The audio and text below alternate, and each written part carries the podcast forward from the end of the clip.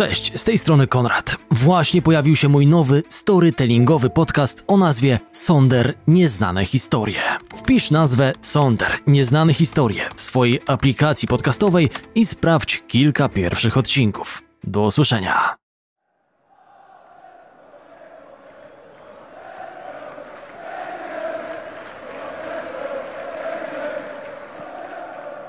Etihad Stadium w Manchesterze. Miejscowe City mierzy się w meczu ostatniej kolejki Premier League z Queen's Park Rangers. Jest 13 maja 2012 roku.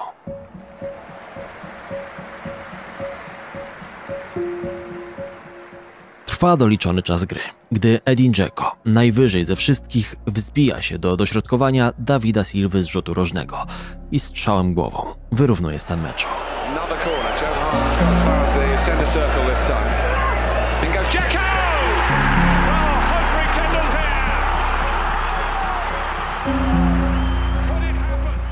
W tym momencie tablica świetlna wskazuje wynik 2 do 2.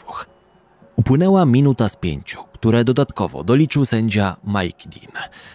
Nadzieje fanów The Citizens odżywają na nowo.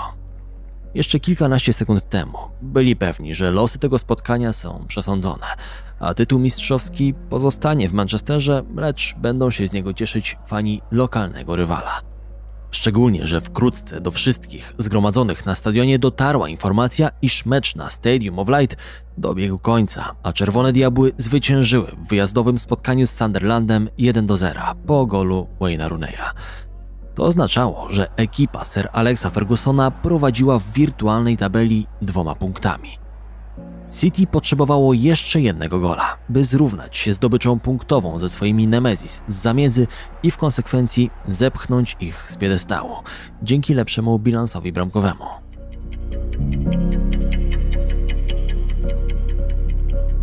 Czas jednak uciekał nieubłaganie.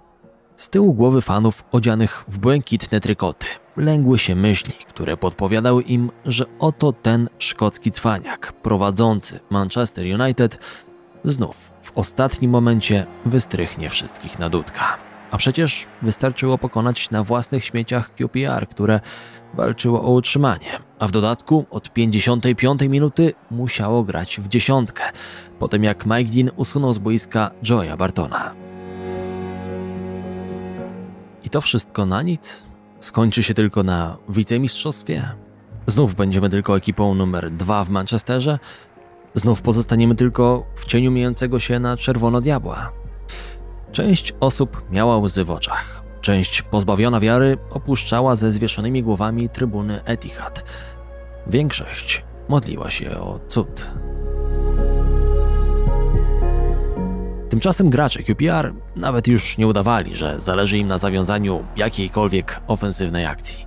Wznowienie gry, dalekie wybicie piłki pod linię końcową i ustawienie zasieków obronnych. Cel? Przetrwać do ostatniego gwizdka.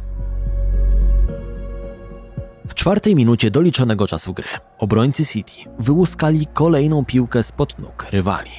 Za jej rozegranie zabrał się Nigel de Jong. Nieatakowany przez graczy gości podciągnął akcję na ich połowę. Zagrał płasko do stojącego na 30 metrze od bramki Sergio Aguero. Ten odegrał do znajdującego się na skraju pola karnego Mario Balotellego. Włoski napastnik, mający na plecach defensora gości, stracił równowagę, lecz jakimś cudem odegrał piłkę na wolne pole. Przez ułamek sekundy wydawało się, że piłkarze Queens za moment skasują tę akcję i wybiją bezpańską futbolówkę jak najdalej od bramki strzeżonej przez Keniego. Graczy w biało-czerwonych koszulkach było jednak w tej strefie tak wielu, że chyba sami nie wiedzieli, kto ma się za to zabrać. Najwięcej zimnej krwi zachował podążający za akcją Sergio Aguero. Argentyńczyk przejął piłkę i jednym ruchem wyrzucił się do prawej strony, mijając przy okazji interweniującego w ślizgiem Nigeryjczyka Taja Taiwo. Dzięki temu manewrowi Latynos zdobył niezbędną przestrzeń. Kątem oka spojrzał w kierunku bramki Irlandczyka Keniego i niemal w tej samej chwili zdecydował się na nią uderzyć.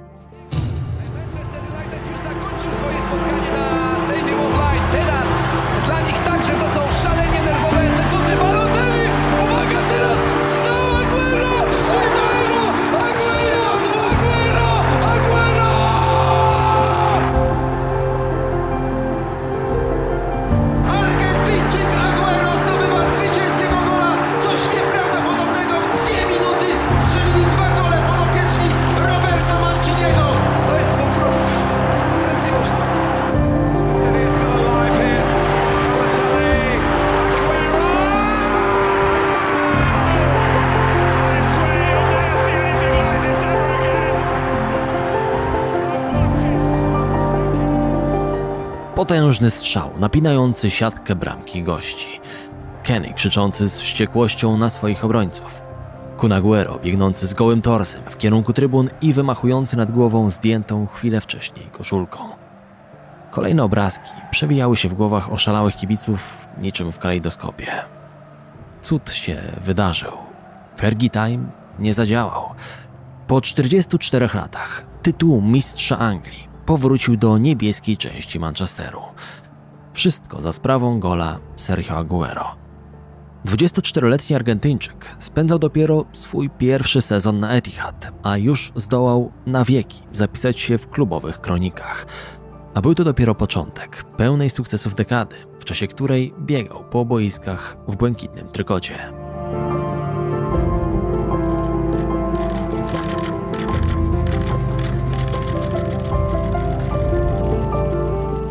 15 grudnia 2021 roku. FC Barcelona zwołuje specjalną konferencję prasową, której głównym bohaterem ma być Sergio Aguero. Większość fanów przeczuwa, z czym wiąże się organizacja całego eventu. 30 października ubiegłego roku latynoski napastnik musiał przedwcześnie opuścić boisko w czasie starcia Barcy z Deportivo Alaves. Król strzelców Premier League z 2015 roku uskarżał się na problemy z oddychaniem i bóle w klatce piersiowej. Bezpośrednio z boiska snajper trafił na oddział kardiologiczny. Okazało się wówczas, że zmaga się z arytmią serca. Niebawem do mediów zaczęły płynąć informacje, jakoby te problemy zdrowotne miały zmusić Aguero do podjęcia decyzji o zakończeniu kariery.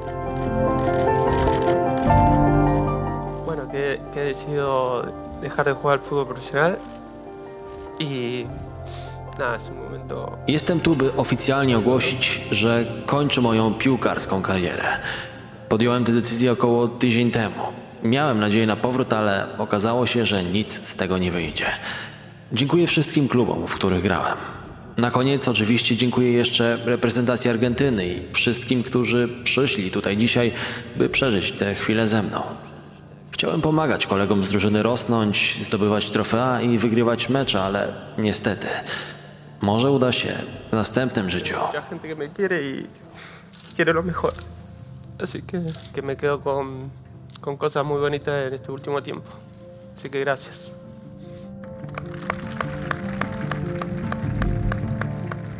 Wzruszony Aguero z trudem wydobywał z siebie każde kolejne słowo, a kibice nie mogli uwierzyć w to, co słyszą, chociaż każdy z nich domyślał się przecież, co się wydarzy. Jeden z najlepszych napastników drugiej dekady XXI wieku, jedna z piłkarskich legend Premier League, musiała przedwcześnie zawiesić buty na kołku.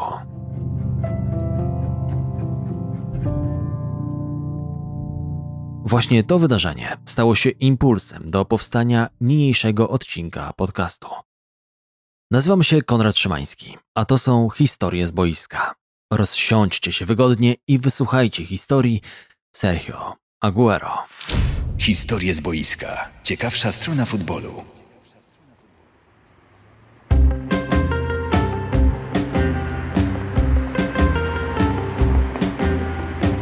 Buenos Aires, stolica Argentyny. Tu urodził się Sergio Leonel Aguero del Castillo 2 czerwca 1988 roku. Jest on kolejnym z długiej dynastii latynoamerykańskich piłkarzy, którzy dzieciństwo spędzili w biednym, pełnym przemocy i przestępstw środowisku, z którego wydostali się jedynie dzięki nieprzeciętnemu talentowi do futbolu. Gdy Sergio przyszedł na świat, jego rodzice nie mieli jeszcze ukończonych nawet 20 lat i nie byli małżeństwem. Z tego powodu do dokumentów Malca wpisano nazwisko matki, Adrianny Aguero, a nie jego ojca Leonela del Castillo. Narzeczeństwo, pomimo młodego wieku, było już mocno doświadczone przez los. Krótko przed narodzinami chłopca, ich skromne domostwo, wzniesione na ziemi podarowanej im przez brata Leonela, zostało zniszczone przez powódź. Gdy przyszły piłkarz miał dwa lata, przeprowadził się wraz z rodzicami z Gonzales Catan do Florencio Varela.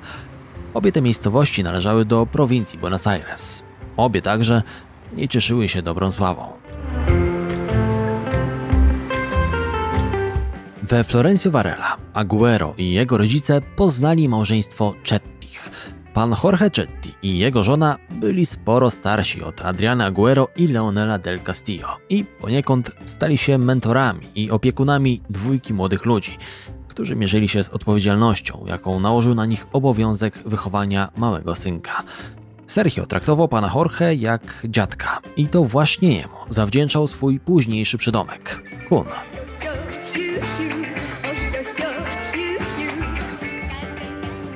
Pan Chetti nazwał tak Sergio, gdyż ten jako kilkuletni brzdąc uwielbiał oglądać japońską kreskówkę pod tytułem Kum Kum, opowiadającą o losach małego jaskiniowca i jego przyjaciół.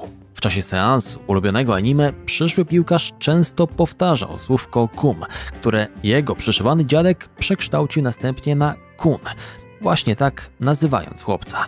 To przezwisko przylgnęło do Sergio już na zawsze, a sam Argentyńczyk utożsamiał się z nim tak bardzo, że w czasie kariery właśnie ono znajdowało się z tyłu jego koszulki. Ojciec Sergio, pan Leonel, był natomiast tą osobą, która zaszczepiła w nim miłość do futbolu. Na co dzień pracował jako taksówkarz, ale hobbystycznie trenował również piłkę nożną, czasami nawet zarabiając na grze niewielkie sumy pieniędzy. Pani Adrianna natomiast dorabiała jako pomoc domowa. Mimo tego, że oboje rodziców małego kuna nie stronili od pracy, w ich domu najczęściej panowała trudna sytuacja materialna.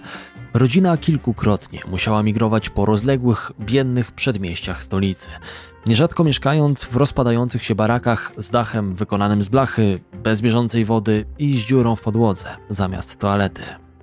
Matka przyszłego piłkarza wierzyła jednak w to, że ich los niebawem się odmieni. Wnioskowała tak po pewnej przepowiedni, którą usłyszała krótko po urodzeniu Sergio. Po ciężkim i skomplikowanym porodzie położna, która odbierała Sergio, powiedziała, że dziecko urodziło się z chlebem pod pachą, co oznaczało mniej więcej tyle, że chłopak urodził się pod szczęśliwą gwiazdą i w przyszłości los się do niego uśmiechnie, przy okazji przynosząc szczęście całej rodzinie. Póki co słowa położnej były tylko odległą mrzonką, a sytuacja ekonomiczna rodziny stawała się coraz trudniejsza z narodzinami każdego kolejnego dziecka. Sergio miał starszą siostrę Jessikę, a z biegiem kolejnych lat doczekał się jeszcze trzech sióstr i dwóch braci. Jorge Valdano, były argentyński gracz i trener Realu Madryt, a obecnie uznany ekspert telewizyjny, Powiedział kiedyś, że z biedy nie wynika nic dobrego, chyba że dla futbolu. Aguero był kolejnym żywym dowodem tej tezy. Ojciec Sergio zabierał go na swoje mecze, gdy ten miał już kilka lat. Kun często dołączał do gry i szybko okazało się, że chłopczyk jest obdarzony wielkim talentem.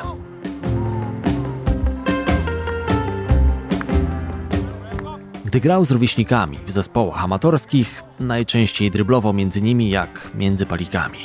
W dodatku od dziecka przejawiał wielką charyzmę i lubił dyrygować partnerami z drużyny. Niesamowitymi umiejętnościami malca zachwycał się również pan Eduardo González, dziennikarz radiowy, który prywatnie znał się z Leonelem del Castillo, ojcem Sergio. Pan Leonel wielokrotnie dopytywał Gonzaleza, czy ten nie mógłby rozwinąć swojej sieci znajomości i pomóc mu umieścić syna w zespole młodzieżowym któregoś z większych klubów. Co prawda Leonel mógł sam zaprowadzić chłopca na trening, ale zwyczajnie nie było go stać na opłacenie składek członkowskich, które obowiązywały każdego rodzica.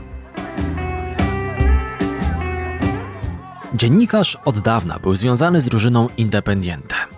Zabrał więc Kuna na trening ekipy z Avellaneda i pokazał dwóm znajomym trenerom, Nestorowi Rambertowi i Mencho Balbuenie.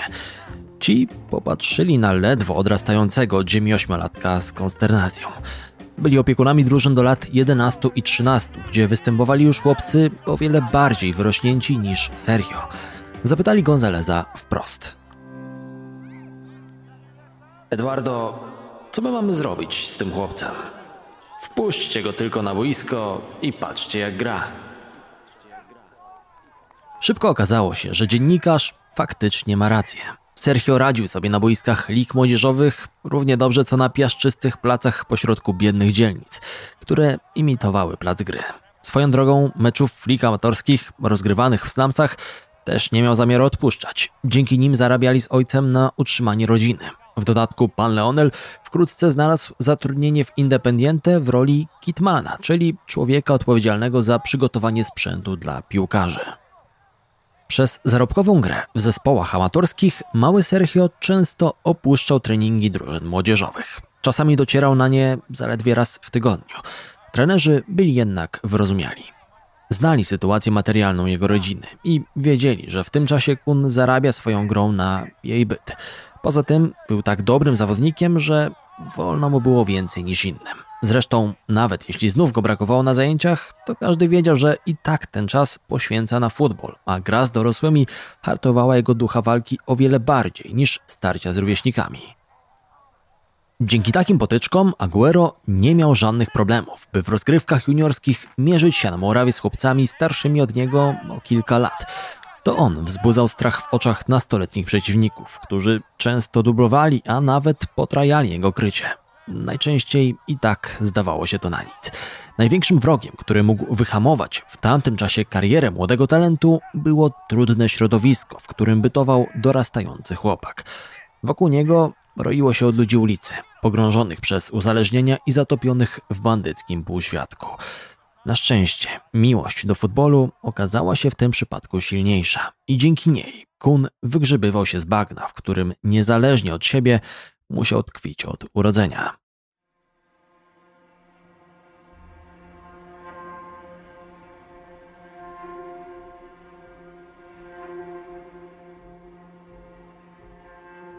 Pytałem o chłopaków, z którymi się zadawałem. Jeden nie żył, drugi siedział w więzieniu, a trzeciego szukała policja. Ja miałem 16 lat, oni 15. Wciąż utrzymuję kontakt z niektórymi z moich przyjaciół. Minęły dwie dekady, a my wciąż rozmawiamy. Wspominał przed rokiem w wywiadzie dla LPI argentyński napastnik. W czasie gry w drużynach juniorskich Independiente wokół chłopaka zakręcił się także niejaki Samuel Lieberman, lokalny przedsiębiorca, który oferował rodzinie Kuna pomoc finansową w zamian za udziały w karcie zawodniczej Sergio przez następnych 10 lat. Dzięki temu Leonel, Adrianna i ich potomstwo zyskało stały comiesięczny dochód i przeprowadziło się do domu o wyższym standardzie, ulokowanym w spokojniejszej okolicy. Lieberman przeczuwał, że inwestycja w chłopca może się okazać strzałem w dziesiątkę. Kun demolował rywali w rozgrywkach juniorskich, a w 2002 roku zdobył z Independiente młodzieżowe mistrzostwo Argentyny, często aplikując rywalom po kilka goli w meczu. Niebawem opiekunem pierwszego zespołu El Rojo został Oscar Ruggeri. Eduardo González zaprosił go wtedy do swojej audycji radiowej i zaczął wypytywać, czy wie, jaki diament gra w zespołach juniorskich Independiente. Ruggeri zdawał się sceptycznie podchodzić do słów wypowiadanych przez dziennikarza, zwłaszcza, że ten mówił o ledwie 15-letnim chłopaku. Nowy trener El Rojo nie umieszkał jednak na własne oczy sprawdzić, czy słowa Gonzaleza nie są nazbyt przesadzone, no i udał się osobiście obejrzeć grę nastolatka. Efekt tego był taki, że Kun niebawem dołączył do treningów pierwszej drużyny. Mało tego, 5 lipca 2003 roku Aguero zameldował się na boisku w meczu ligowym z San Lorenzo, zmieniając w 68 minucie Emanuela Rivasa. Miał wówczas 15 lat i 35 dni. Tym samym pobił rekord należący do, tak jest, Diego Maradony i został najmłodszym piłkarzem, który kiedykolwiek zagrał w najwyższej klasie rozgrywkowej w Argentynie. ¿Mira Agüero? Sí. ¿Cómo se llama Agüero de nombre? Sergio Agüero, el Cuna Agüero. La carita es de nene, pero las piernas no. Está bien, pero la edad también. Ruggeri chciał go jednak tylko zaprezentować światu. Było za wcześnie, by czynić z niego jakiś znaczący element zespołu. W sezonie 2002-2003 Aguero nie dostał już więcej szans na grę. W kolejnej kampanii siedmiokrotnie otrzymywał możliwość zaprezentowania się publiczności. Zagrał wówczas innymi w meczu fazy grupowej Copa Libertadores przeciwko paragwajskiemu Cienciano, bijąc tym samym rekord występu najmłodszego piłkarza w południowoamerykańskim odpowiedniku Ligi Mistrzów. Ten wynik trzy lata później poprawił jednak Boliwijczyk Diego Suarez, który ledwie trzy miesiące po swoich 14 urodzinach jako piłkarz rodzimego klub Blooming zagrał przeciwko brazylijskiemu Santos FC. Z każdym kolejnym sezonem przydatność Aguero w zespole rosła. Kampania 2004-2005 to 12 meczów ligowych i 5 pierwszych goli w dorosłej piłce w wykonaniu Kuna. Już wtedy mówiono o tym, że argentyńska ziemia wydała na świat kolejnego piłkarskiego geniusza i oczywiście nie obyło się przy tej okazji bez porównań do Diego Maradony. Natomiast prawdziwy przełom i wybuch piłkarskiego talentu Sergio to już kolejny sezon. Jeszcze przed jego rozpoczęciem Aguero pojechał wraz z reprezentacją Albi Celestes do lat 20 na Mistrzostwa Świata. W czasie rozgrywanego w Holandii turnieju młodzi piłkarze z Argentyny, prowadzeni przez Francisco Ferraro, sięgnęli po mistrzowski tytuł. Kun był zdecydowanie najmłodszym graczem w zespole.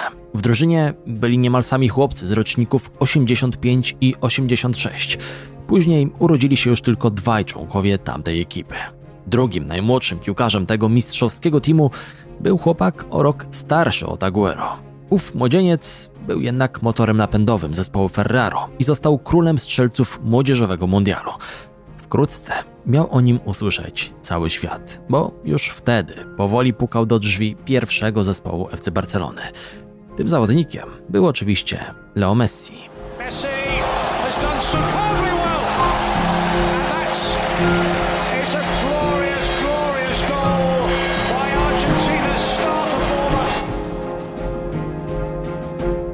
Aguero natomiast spełniał w Holandii jedynie rolę zmiennika, ale to on wywalczył w finałowym starciu z Nigerią drugi rzut karny dla Argentyny, który na zwycięskiego gola zamienił wspomniany Messi. Obaj gracze zresztą mocno się ze sobą zaprzyjaźnili. Znali się już ze zgrupowań kadry U17 i niemal przez resztę kariery w czasie każdego obozu reprezentacyjnego współdzielili hotelowy pokój. Zresztą, gdy w 2009 roku Aguero urodził się syn, Leo został jego ojcem chrzestnym. Warto przy tej okazji wspomnieć także o matce owego dziecka, bo jest nią Gianninna Maradona, czyli córka boskiego Diego. No i wyobraźcie sobie taką sytuację. Jesteście synem Sergio Aguero. Waszym dziadkiem jest Diego Maradona, a ojcem chrzestnym Leo Messi.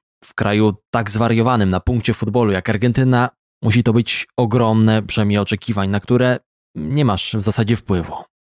Benjamin Aguero ma obecnie już niemal 13 lat. Jego rodzice rozstali się ze sobą, gdy miał 3. Obecnie znajduje się pod opieką matki. Niewiele wiadomo na temat jego związków z futbolem. Wiemy jedynie, że jest kibicem Boca Juniors, na co wpływ miał jego nieżyjący dziadek. Trudno jednak znaleźć jakiekolwiek informacje na temat tego, czy nastolatek trenuje piłkę nożną. Wróćmy jednak do historii jego ojca. Kampania ligowa 2005-2006 to moment, w którym Aguero pokazał, że jest już w pełni gotowy na grę na poziomie seniorskim. Rozgrywki ligowe zakończył z 18 golami na koncie, tym z pięknym trafieniem w derbowym spotkaniu z Racingiem, kiedy to rozpoczął rajd z piłką na własnej połowie, po drodze wkręcając w ziemię obrońcę rywala.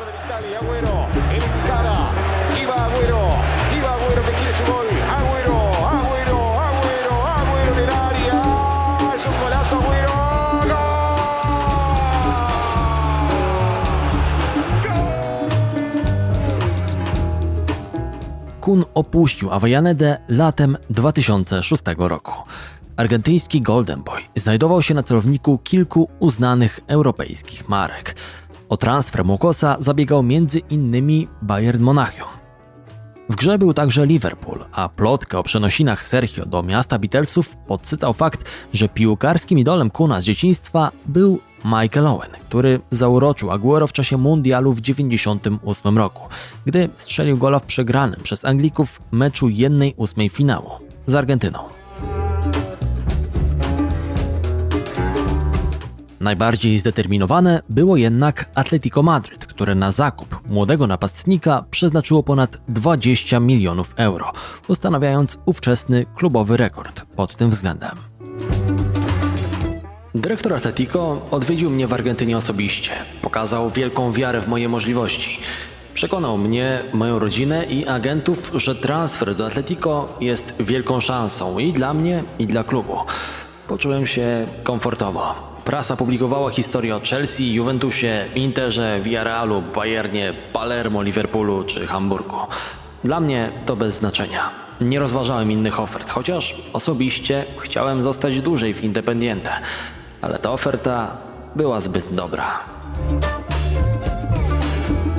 O ile w ojczyźnie Aguero zaczynał być na językach wszystkich i wyrastać na największą gwiazdę rodzimej ligi, o tyle w stolicy Hiszpanii musiał budować swoją markę na nowo i udowodnić, że poradzi sobie w o wiele silniejszej Primera División.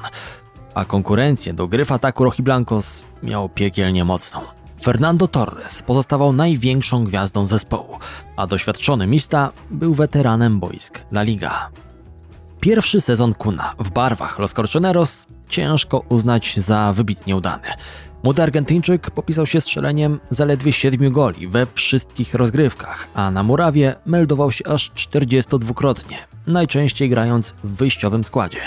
W dodatku hiszpańska prasa zaczęła sugerować, że młody piłkarz nie prowadzi się, nazwijmy to, zbyt sportowo. Klubowy dietetyk przyznał, że Aguero ma spore braki w wiedzy na temat zdrowego odżywiania, a trener Javier Aguirre powiedział, że chciał początkowo wysłać zawodnika do gry z zespołem rezerw, bo uznawał go po prostu za niegotowego do rywalizacji na poziomie Primera División. Na taki ruch nie zgodził się jednak klubowy zarząd. Cóż, początki Kuna w Madrycie nie należały do łatwych.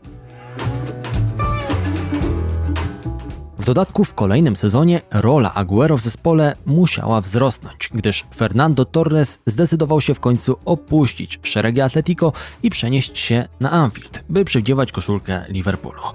Sergio musiał zatem wejść w buty idola fanów z Vicente Calderón. Na szczęście dla niego rok spędzony przy boku El Niño dobrze na niego wpłynął. Kun poczynił spory postęp pod względem taktycznym. Przestał trwonić energię na bezsensowne bieganie bez ładu i składu, a zaczął lepiej czytać grę i mądrze ustawiać się pod polem karnym rywala. Stawał się powoli rasową dziewiątką.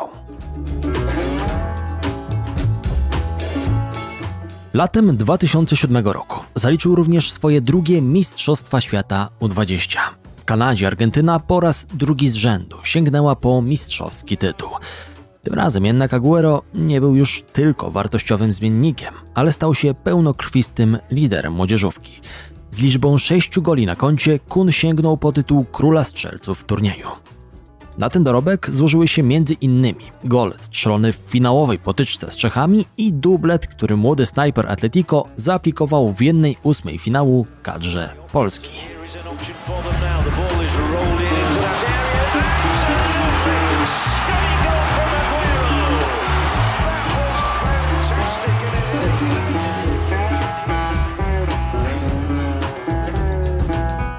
Tak udany międzynarodowy występ Aguero był dobrym prognostykiem przed kolejnym sezonem spędzonym przez niego w Hiszpanii.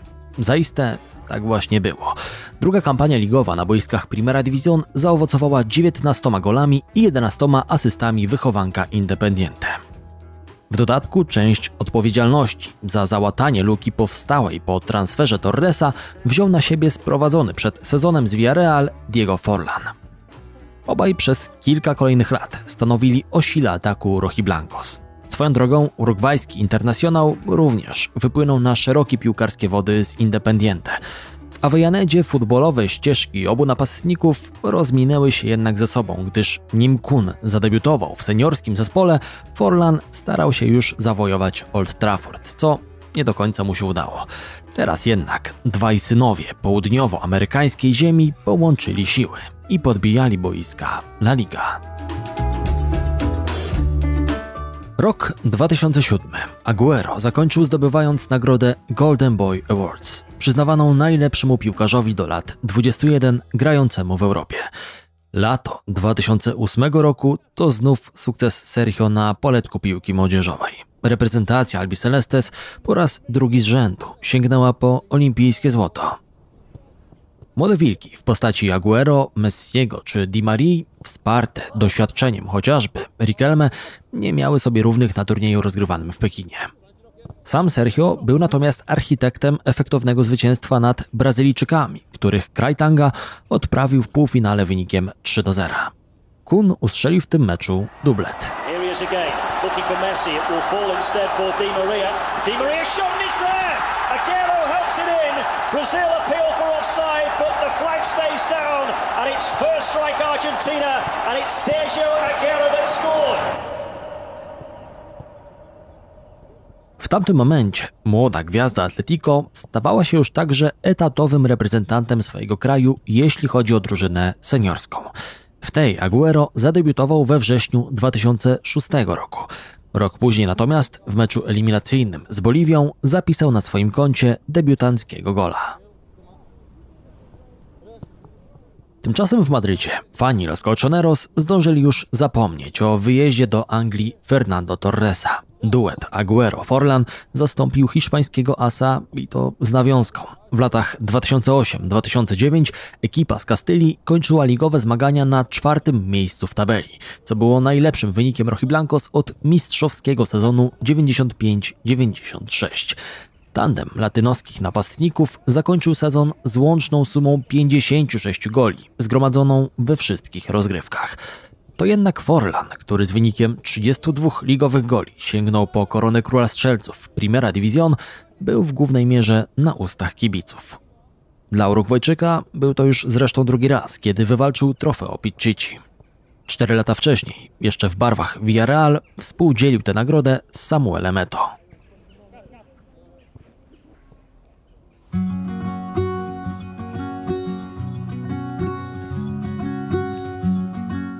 Jednakże zarówno sam Kun, jak i fani atleti mogli być bardzo zadowoleni z dyspozycji Argentyńczyka.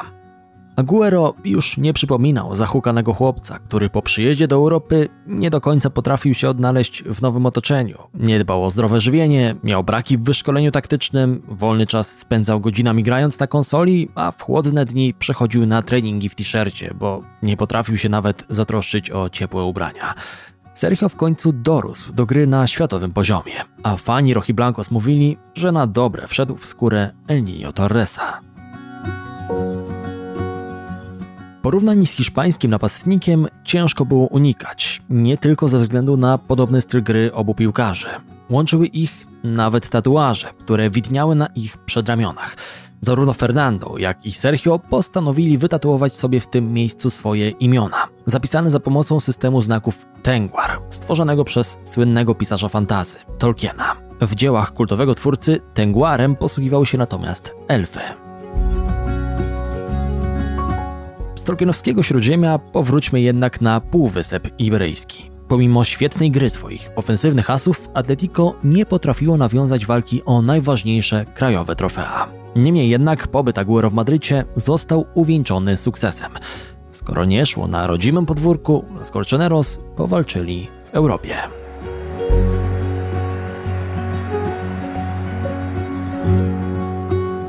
Dwunastego maja 2010 roku na stadionie w Hamburgu Rochi Blancos zagrali w finale Ligi Europy, a ich rywalem było angielskie Fulham.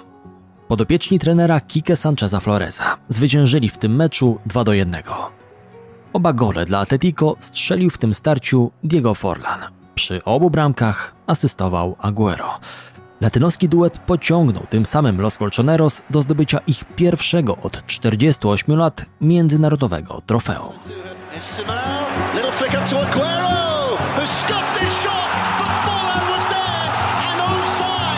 Concern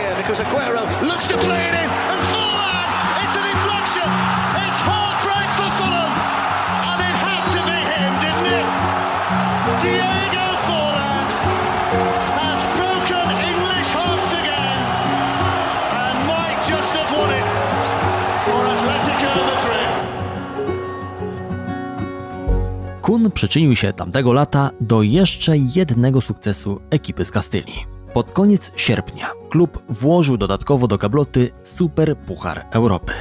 Madrytczycy pokonali 2 do 0 ówczesnych triumfatorów Ligi Mistrzów Intermediolan.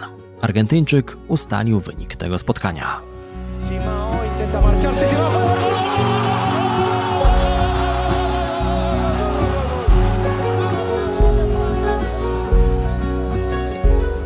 Czas spędzony przez Aguero w Madrycie powoli dobiegał końca. Sezon 2010-11 był ostatnim, podczas którego Sergio przywdziewał trykot w biało-czerwone pasy. Pomimo tego, że atleti zakończyli go dopiero na siódmym miejscu, Kun zgromadził 20 goli, co było jego najlepszym wynikiem. Wychowanek Independiente miał dopiero 23 lata na karku, a przez kilka ostatnich sezonów regularnie udowadniał, że powoli wyrasta na klasowego napastnika, godnego gry w najlepszych klubach na świecie. Atletico, które jeszcze kilka lat wcześniej zdawało się przerastać i to pod każdym względem przestraszonego nastolatka, wychowanego w slumsach Buenos Aires, teraz zwyczajnie stawało się dla niego za małe. Niebawem zresztą Sergio sam dał do zrozumienia, że chce przenieść się do klubu, w którym regularnie będzie walczył o najwyższe cele, czego nie omieszkał zakomunikować za pomocą mediów. Wyścig o podpis 23-latka zwyciężył Manchester City. Nowa, obrzydliwie bogata piłkarska potęga, tworzona za pieniądze pochodzące ze Zjednoczonych Emiratów Arabskich, wyłożyła za Aguero około 35 milionów funtów. Moja decyzja nie jest podyktowana powodami ekonomicznymi, a sportowymi. Chcę więc podziękować klubowi za to, że był w stanie zaoferować mi taką pensję, jaką otrzymuje się w największych zespołach na świecie. Chciałbym również dodać, że ta decyzja dojrzewała we mnie przez długi czas i wszystko zostało uzgodnione z włodarzami Atletico jeszcze przed podpisaniem przeze mnie nowego kontraktu. Decyzja o przeprowadzce Latynosa nie do końca przypadła do gustu fanom Rojiblancos, gdyż ci w czasie kolejnego spotkania wywiesili transparent o treści Zdechnij, kun, ty zdrajco. W czasie pięcioletniego pobytu w Hiszpanii Aguero zdobył dla Los Colchoneros 101 goli w 234 meczach we wszystkich rozgrywkach. Teraz wyruszał podbić najpopularniejszą ligę świata. Czas miał pokazać, że w zupełności mu się to uda, a Wyspy Brytyjskie opuści jako jedna z legend Premier League. Zresztą, jak wspominałem na początku tego podcastu, już pierwszy sezon spędzony przez Kuna na Etihad Stadium sprawił, że argentyński napastnik przeszedł do historii. Kultowy gol zdobyty w meczu z QPR wygenerował równie kultowe momenty w wykonaniu komentatorów tamtego spotkania.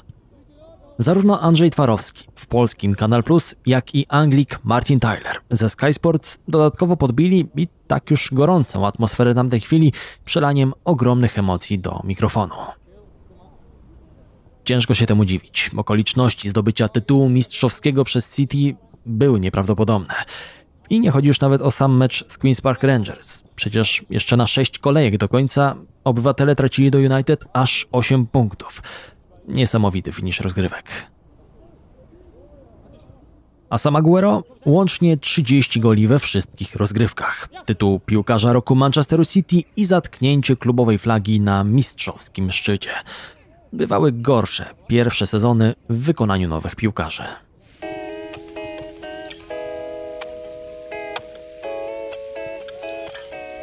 Gorszy był także drugi sezon Argentyńczyka w zespole z Etihad. Zaledwie 12 ligowych goli Kuna i utrata mistrzowskiego berła na rzecz rywali z zamiedzy. W tym czasie media donosiły także o zainteresowaniu Realu Madryt, który chciał dołączyć do swojego zespołu reprezentanta Albi Celestes. Sergio przyznał w jednym z wywiadów, że gdyby królewscy przedstawili konkretną propozycję w momencie, gdy chciał opuścić Atletico, prawdopodobnie wybrałby ten kierunek. Jednakże w Manchesterze czuł się szczęśliwy i nie miał zamiaru opuszczać Anglii. W końcu dołączył do zespołu, który walczył o najwyższe cele. Nie widział potrzeby ponownej przeprowadzki do stolicy Hiszpanii.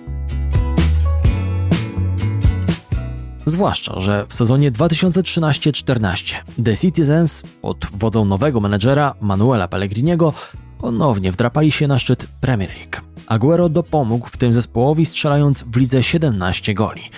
Dorobek ten z pewnością byłby większy, gdyby nie fakt, że Sergio w czasie tamtej kampanii często zmagał się z kontuzjami, przez co opuścił dużą liczbę spotkań. Dobry początek chilijskiego szkoleniowca na Etihad nie był jednak zapowiedzią pasma sukcesów. W kolejnych dwóch latach Pellegrini nie zdołał powtórzyć wyczynu ze swojego debiutanckiego sezonu. Na dodatek, poza zasięgiem obywateli pozostawało marzenie o triumfie w Lidze Mistrzów, co po udowodnieniu, że piłkarze City mogą być najlepsi w Premier League, stało się oczkiem w głowie arabskich szejków zarządzających klubem. Słabszy okres dla Manchesteru nie równał się jednak z gorszą dyspozycją Aguero. W 2015 roku Argentyńczyk zdołał sięgnąć po koronę króla strzelców Premier League, kończąc ligowy sezon z liczbą 26 goli na koncie. 12 miesięcy później uzbierał o dwa trafienia mniej i w rankingu najlepszych snajperów ustąpił pola jedynie Haremu Kainowi.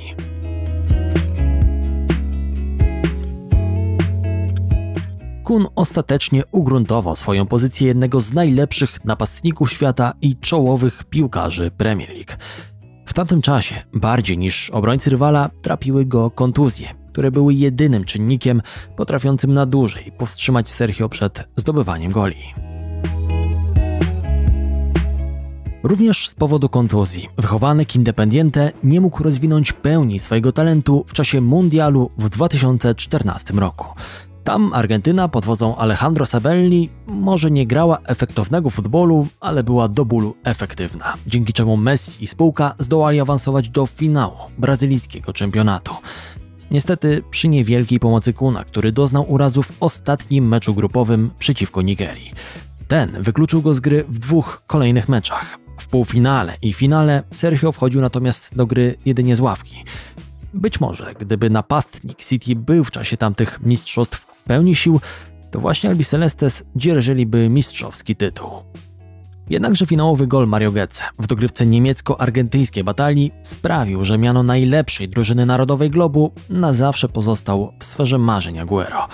Co prawda Kun wziął udział jeszcze w dwóch mundialach, w 2010 i 2018 roku, a na tym drugim zdołał nawet strzelić dwa gole, lecz w obu tych przypadkach Krajtanga nie zdołał powtórzyć wyczynu z Brazylii. Udowodniłem swoją wartość w Barcelonie i w Bayernie. Na koniec mojej przygody z Manchesterem również chcę, żeby kibice byli zadowoleni i dumni z naszych osiągnięć. Chcemy wygrywać trofea, ale sami tego nie zrobimy. Potrzebujemy kibiców. Bez was to nie będzie możliwe. Tymi słowami 3 lipca 2016 roku Pep Guardiola przywitał się z fanami Manchesteru City. Na Etihad przychodził człowiek, który w oczach wielu ekspertów i kibiców uchodził za najlepszego trenera piłkarskiego na świecie. Cel był prosty. City miało powrócić na mistrzowski tron w Anglii i wywalczyć w końcu upragnione trofeum Ligi Mistrzów. Historie z boiska. Ciekawsza strona futbolu.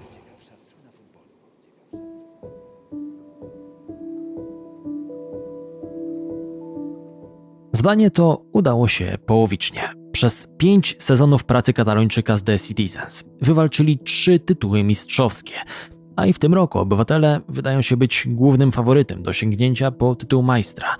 Jednakże ani wcześniej w Bayernie, ani obecnie w City Guardiola nie potrafi jak dotąd powtórzyć wyczynu z Barcelony, z którą dwa razy wygrywał Champions League.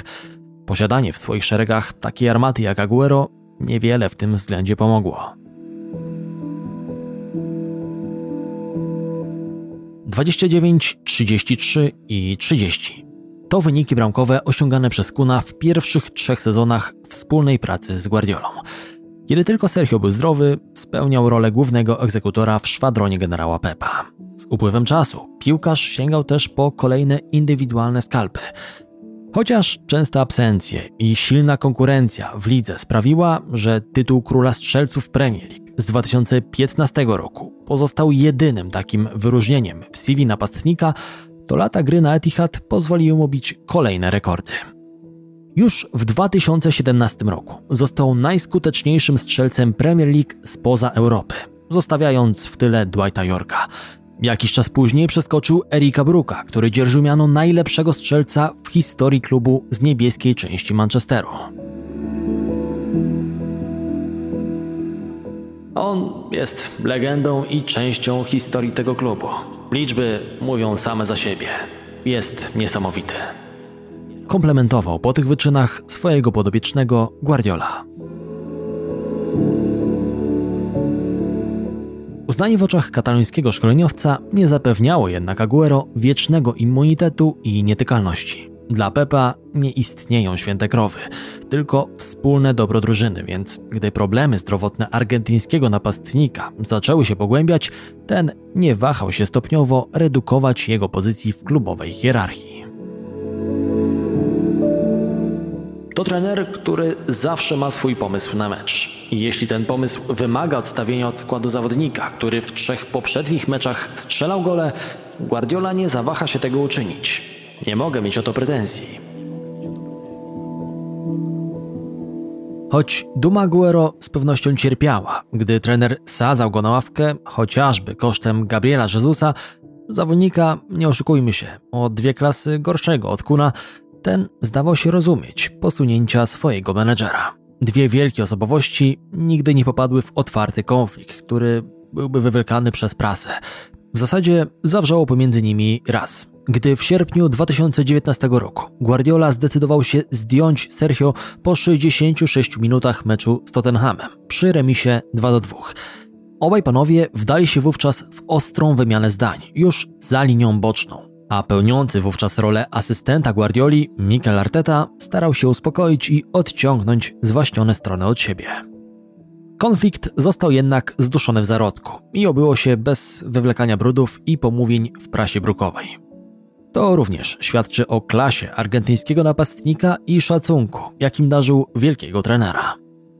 Być może to właśnie dlatego The Citizens w niektórych momentach wydawali się dobrze naoliwioną maszyną, w której wszystkie tryby pracowały idealnie i współegzystowały ze sobą w sposób harmonijny. Dzięki temu w 2018 roku Manchester odzyskał po czterech latach przerwy tytuł mistrzów Anglii i to z zawrotną sumą 100 punktów na koncie. Rok później obywatele zgromadzili tylko dwa oczka mniej i byli górą w zaciekłej rywalizacji z Liverpoolem Jurgena Kloppa, który ustąpił im zaledwie o punkt. W obu tych sezonach Sergio zgromadził po 21 ligowe goli.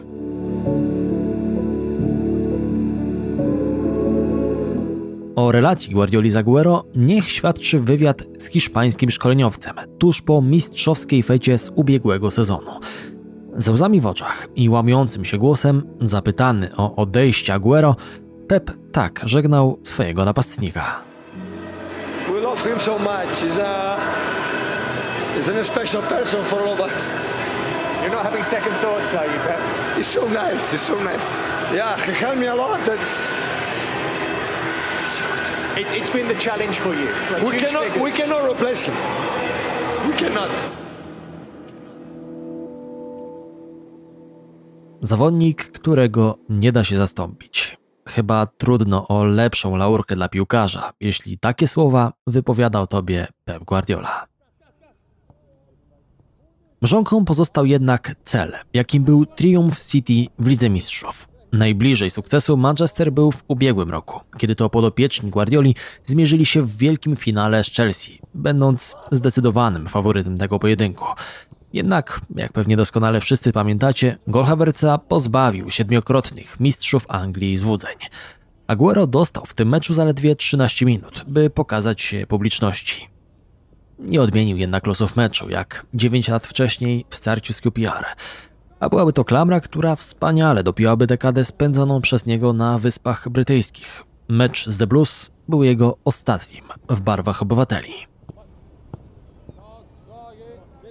Dwa ostatnie sezony spędzone przez Argentyńczyka na Etihad to powolne stawanie się graczem drugiego planu. Zarówno przez częste kłopoty ze zdrowiem, jak i koncepcję gry Guardioli, który nie zawsze uwzględniał Kuna w swoich planach.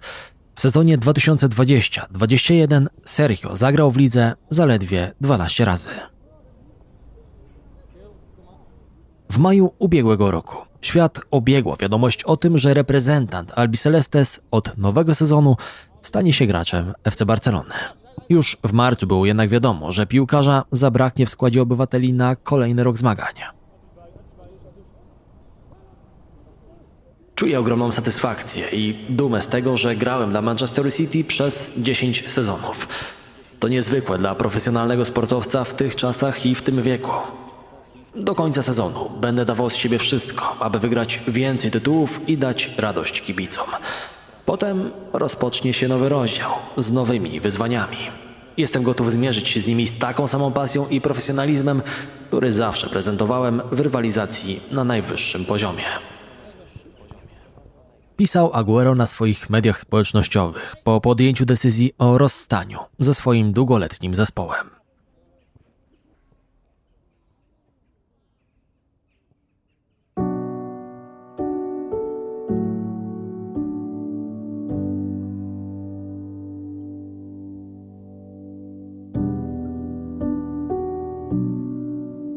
Pięć mistrzostw Anglii, sześć pucharów ligi, FA Cup i trzy tarcze wspólnoty. To drużynowy skalp Aguero w czasie dziewięciu lat spędzonych przez niego na Etihad. Do tego mnóstwo wyróżnień indywidualnych, jak dwukrotne znalezienie się w drużynie sezonu Premier League, tytuł króla strzelców Ligi Angielskiej i dwukrotny triumf w plebiscycie na najlepszego piłkarza The Citizens w danym sezonie. Kun opuszczał Manchester jako najlepszy strzelec w historii klubu i czwarty snajper w historii Premier League, na co złożyły się jego 184 ligowe gole. Wystarczyło mu do tego jednak zaledwie 275 spotkań rozegranych na poziomie Premier League. Gracze, którzy go wyprzedzają, mają natomiast grubo ponad 400 występów i gorszą średnią minut potrzebnych im do zdobycia bramki. Łącznie licznik zatrzymał się na 260 golach zdobytych w błękitnej koszulce City. Dwa ostatnie z nich zdołał jeszcze ustrzelić w pożegnalnym meczu ligowym z Evertonem. Prawdziwa klubowa legenda.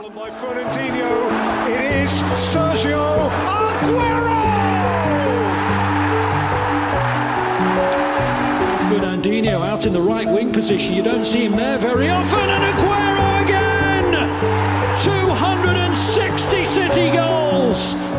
Wonderful stuff! It's a dream come true! Jak już doskonale wiecie, na Camp Nou Aguero nie miał szans wybudować sobie podobnego pomnika. Zdołał wystąpić jedynie w pięciu meczach i strzelić gola w przegranym El Clasico, nim kłopoty zdrowotne sprawiły, że Argentyńczyk na zawsze musiał zejść z piłkarskiej sceny. Działacze Blaugrany wiedzieli, że sporo ryzykują, sprowadzając gracza, który równie często jak boiska treningowe odwiedza gabinety lekarskie. Nie mogli się jednak spodziewać, że przygoda Kuna z dumą Katalonii zakończy się po zaledwie 165 minutach spędzonych przez niego na murawie. Nie stworzył superduetu ze swoim przyjacielem Lionelem Messi, gdyż ten opuścił Barcelonę na rzecz Paryża. Nie pomógł także w zasypaniu tego krateru, jaki powstał na Camp Nou po wybuchu bomby informacyjnej o transferze Leo do PSG. Zrzekł się za to połowy wynagrodzenia, jakie przysługiwało mu z racji podpisania dwuletniego kontraktu z dumą Katalonii.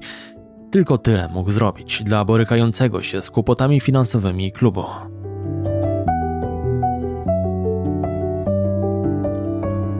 Po zakończeniu kariery przez Kuna, świat futbolu stał się uboższy.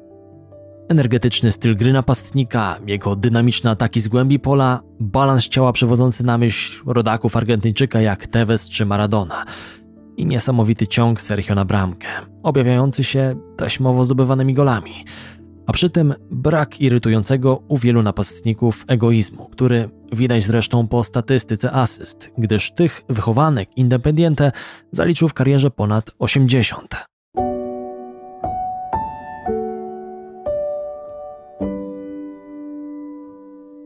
tych rzeczy na pewno go zapamiętamy. Do pełni szczęścia zabrakło jedynie sukcesu w Champions League i zdobycia ważnego trofeum z reprezentacją, bo chociaż Aguero był w kadrze Albicelestes, która triumfowała latem w Copa America, to odegrał w niej marginalną rolę. Natomiast gdy znajdował się w swoim prime time, Argentynie zawsze na wielkich turniejach czegoś brakowało. Mimo to Kun może być z siebie dumny. Wykręcił wynik 101 gier i 41 goli w ojczystych barwach. To daje mu odpowiednio siódme miejsce pod względem liczby występów w kadrze narodowej i trzecie miejsce w klasyfikacji strzelców wszechczasów zespołu Albi Celestes, plasując go jedynie za plecami Messiego i Batistuty, o którym także niedawno Wam opowiadałem. Czym Sergio zajmie się teraz? Trudno powiedzieć. Gdy na początku pandemii siedział zamknięty w domu, wcielił się w rolę streamera na Twitchu. Sergio od lat uwielbia grać w gry komputerowe, do jego ulubionych tytułów zaliczają się takie pozycje jak FIFA, Fortnite, Valorant czy Fall Guys. Cóż, jeśli wejdzie w ten biznes na całego, chyba ciężko nie wróżyć mu sukcesu. Tymczasem dajmy mu jeszcze ochłonąć po zakończeniu kariery. Na grudniowej konferencji prasowej Kun żegnał się z piłkarskim mainstreamem tymi oto słowami. Jestem szczęśliwy i dumny z mojej kariery. Odkąd skończyłem 5 lat, marzyłem, by zagrać w pierwszej lidze argentyńskiej. Nawet nie myślałem o tym, że mogę zagrać w Europie. Dziękuję Independiente, Atletico, które postawiło na mnie jak miałem 18 lat. Ludziom z City, którzy wiedzą, co teraz czuję. Zostawiłem w tych klubach to, co najlepsze. Dla Barcy to było niewyobrażalne, wiem o tym. Przechodziłem do jednego z najlepszych klubów w Europie, ale pewne rzeczy dzieją się z jakiegoś powodu. I dziękuję reprezentacji Argentyny, którą kocham najmocniej. My również dziękujemy Ci, Kun, i miejmy nadzieję, do zobaczenia. Dajcie znać w komentarzu na YouTubie, z jakim jeszcze momentem kojarzy Wam się Sergio Aguero. I umówmy się tak, że pominiemy ten mm, ikoniczny moment z meczu z Queen's Park Rangers z 2012 roku, bo z tym chyba każdy od razu automatycznie mm, kojarzy Argentyńczyka, ale na tej linii czasu myślę, że znajdziemy jeszcze kilka innych ciekawych momentów, więc jestem ciekaw, co Wam przychodzi pierwszego do głowy. Zachęcam do zajrzenia w sekcji komentarza i zostawienia swojego wspomnienia z Argentyńczykiem. Tymczasem to wszystko na dziś. Konrad Szymański, kłaniam się nisko i do usłyszenia niebawem.